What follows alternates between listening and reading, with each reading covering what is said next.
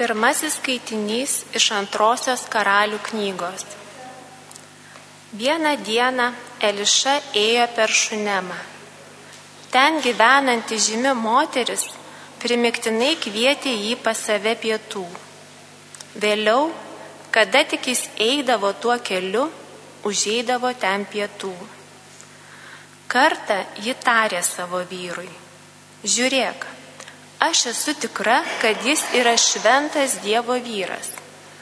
Kadangi jis nuolat praeina mūsų keliu, įrenkime jam ant stogo mažą kambarėlį su sienomis, padėkime ten jam lovą, stalą, krėslą ir lempą, kad galėtų apsistoti, kada tik pas mus užėjęs. Vieną dieną ten užėjęs, jis palipėjo į tą kambarį ir atsigulė. Ką tad galima jai padaryti, jis klausė. Gehazis atsakė, na, ji neturi sunaus ir jos vyras senas. Pašauk ją, tarė Liša. Tarno pašaukta ji atsistojo prie durų. Šiuo laiku kitais metais jis tarė jai, glamonėsi sūnų. Tai Dievo žodis.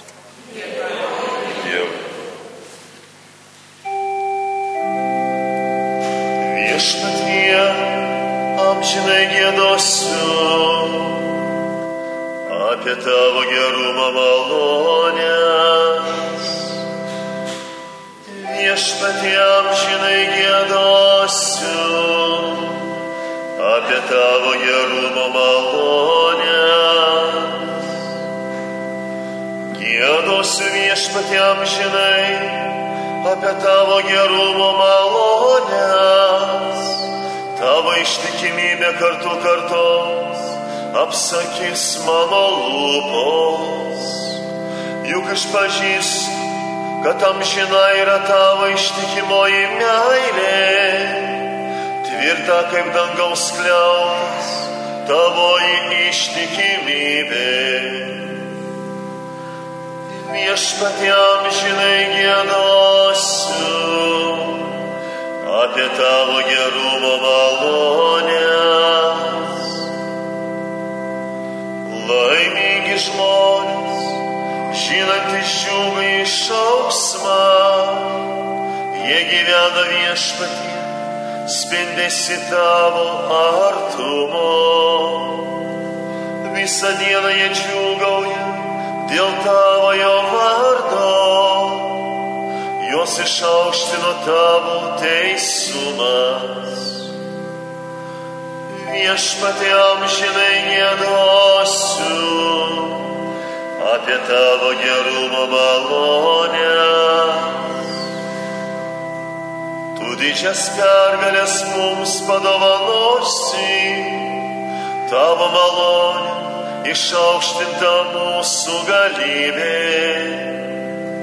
Juk viešpačiai priklauso mūsų skydas, Izraelio šventąją mūsų karalius. Viešpatė amžinai gėdosiu apie tavo gerumo malonę.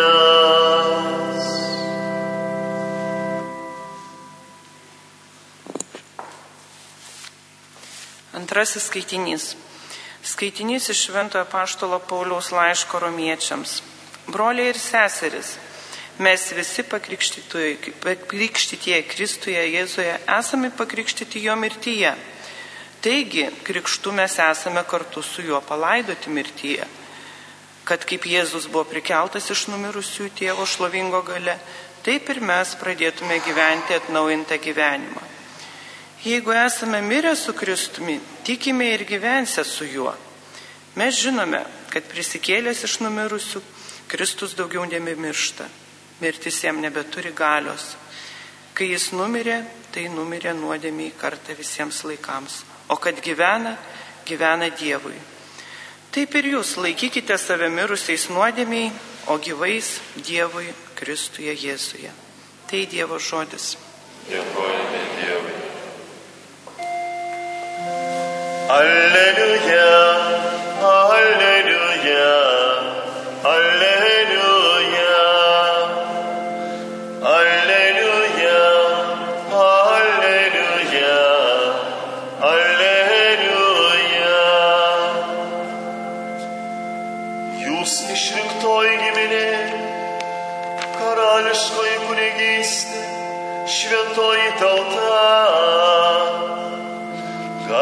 Garsinkite šlovingus darbus to, kuris pašaukė jūs iš tamsybių į savo nuostabę šviesą. Aleliuja, aleliuja, aleliuja.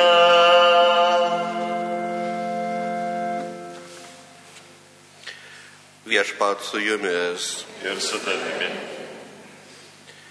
Pasiklausykite Šventojios Evangelijos pagal Matą. Garbė tau, viešpatie. Anu metu Jėzus bylojo savo paštalams, kas myli tėvą ar motiną labiau negu mane, nevertas manęs. Kas myli sūnų ar dukterį labiau negu mane, nevertas manęs. Kas neima savo kryžiaus ir neseka paskui mane, nevertas manęs. Kas įsaugo savo gyvybę, praras ją. O kas praranda savo gyvybę dėl manęs, atras ją. Kas jūs priima, tas mane priima. O kas priima mane, priima tą, kuris yra mane siuntęs. Kas priima pranašą dėl to, kad jis pranašas, gaus pranašų užmokesti. Kas priima teisųjį dėl to, kad jis teisus, gaus teisųjo užmokesti. Ir kas paduos bent taurę vyno vandens atigerti vienam iš šių žmogelių dėl to, kad jis yra mokinys, iš tiesų sakau jums, tasai nepraras savo užmokesčio. Tai viešpaties žodis. Galime atsisėsti.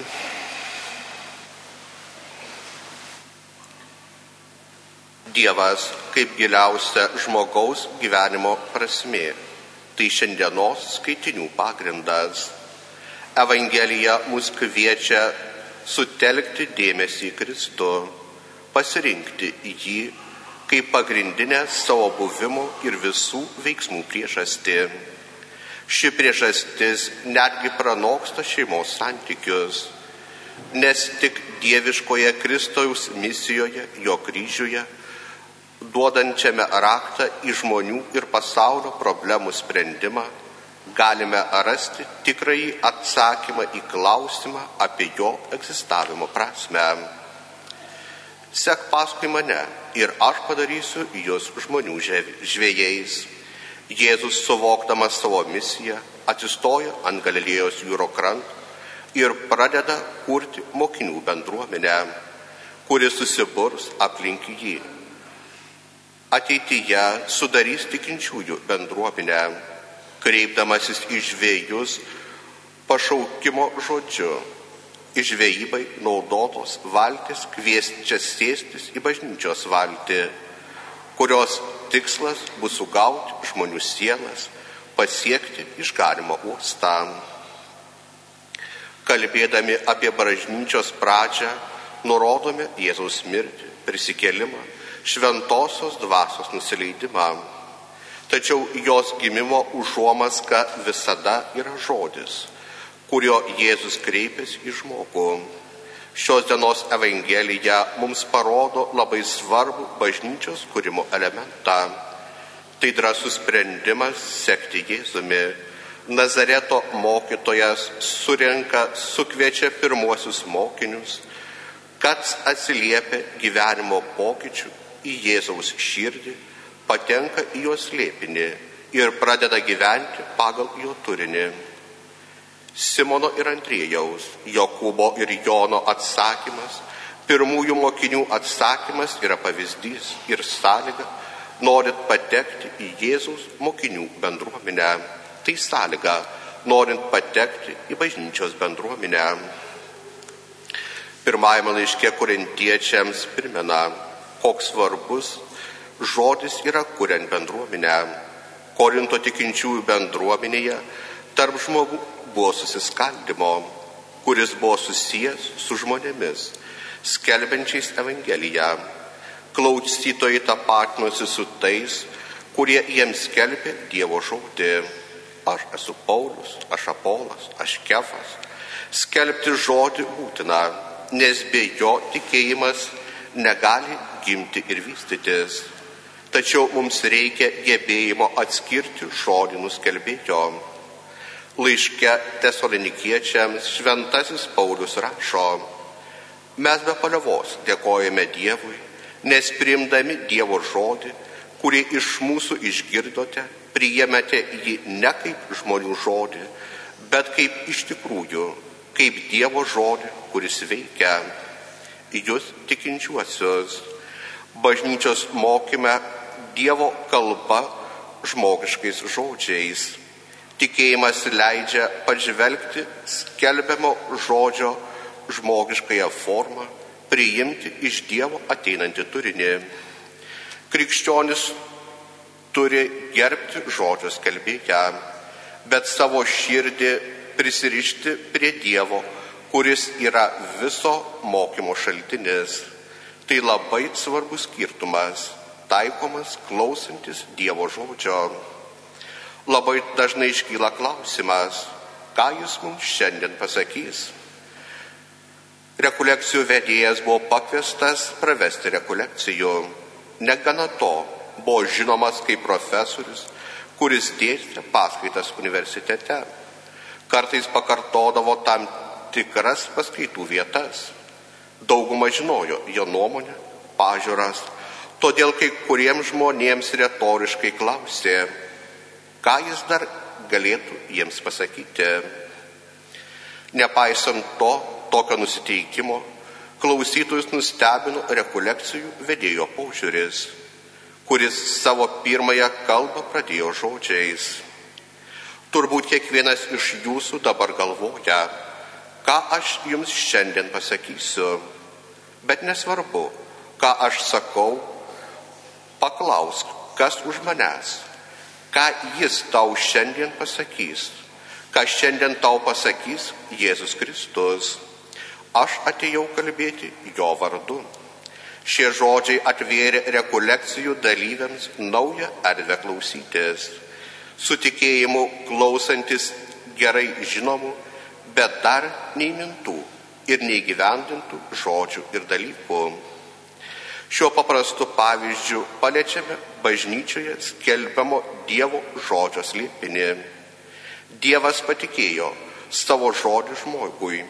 Nepaisant to, Dievo žodžio paslaptis ir turinys pranoksta žmogaus kalbos, žmogaus proto ir širdies pajėgumus. Dievas mums viską apreiškė savo sunuje Tačiau deviškoji mintis bažnyčios mokyme atskleidžia Jėzaus Kristaus slėpinį tam tikroje istorijos epochoje. Bažnyčia visada semėsi iš Dievo apreiškimo vedama vidinio šventosios dvasios vadovavimo, moko tikinčiuosius ir parodo Dievo kelius šiuolaikinėme pasaulyje. Klausimas, koks mano pasitikėjimas bažnyčia. Daugelio savo kasdienių pažiūrų pateikime į tam tikrus supaprastintus modelius, primestus požiūrius į bažnyčią. Naudojame klaidingus supaprastinimus apie bažnyčią. Tuo tarpu bažnyčia yra Kristus. Priklausome jai tiek, kiek su tikėjimu atrandame joje Jėzaus Kristaus slėpinį ir tik Jėzaus liepinio šviesoje sprendžiame savo socialinio, šeimininio ar asmeninio gyvenimo problemas. Šiais liturginiais metais klausomės Evangelijos pagal šventąjį matą.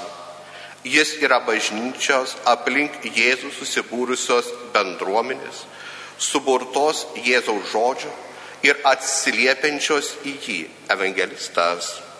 Todėl dažnai tenka klausytis kaip aš klausau bažnyčios mokymo. Ar galiu peržengti jo žmogiškai matmenį, kad tikėjimu malda pasiekčiau Jėzaus Kristaus liepinį. Padrasinimas mūsų dvasiniam darbui šioje srityje, tikėjimo ūkdymui gali būti Jono Pauliaus antrojo žodžiai. Šventasis Paulius sako, kad bažnyčia yra Kristaus kūnas Tai reiškia, kad ji buvo suformuota pagal Kristaus planą kaip išganimo bendruomenė. Bažnyčia yra jo darbas. Ji nuolat ją kuria, nes Kristus joje toliau gyvena ir veikia. Bažnyčia priklauso jam ir liks jo amžinai. Turime būti ištikimi mūsų kuriamos bažnyčios vaikai. Jei savo tikėjimu ir gyvenimu sakome taip Kristui, turime pasakyti taip ir bažnyčiai.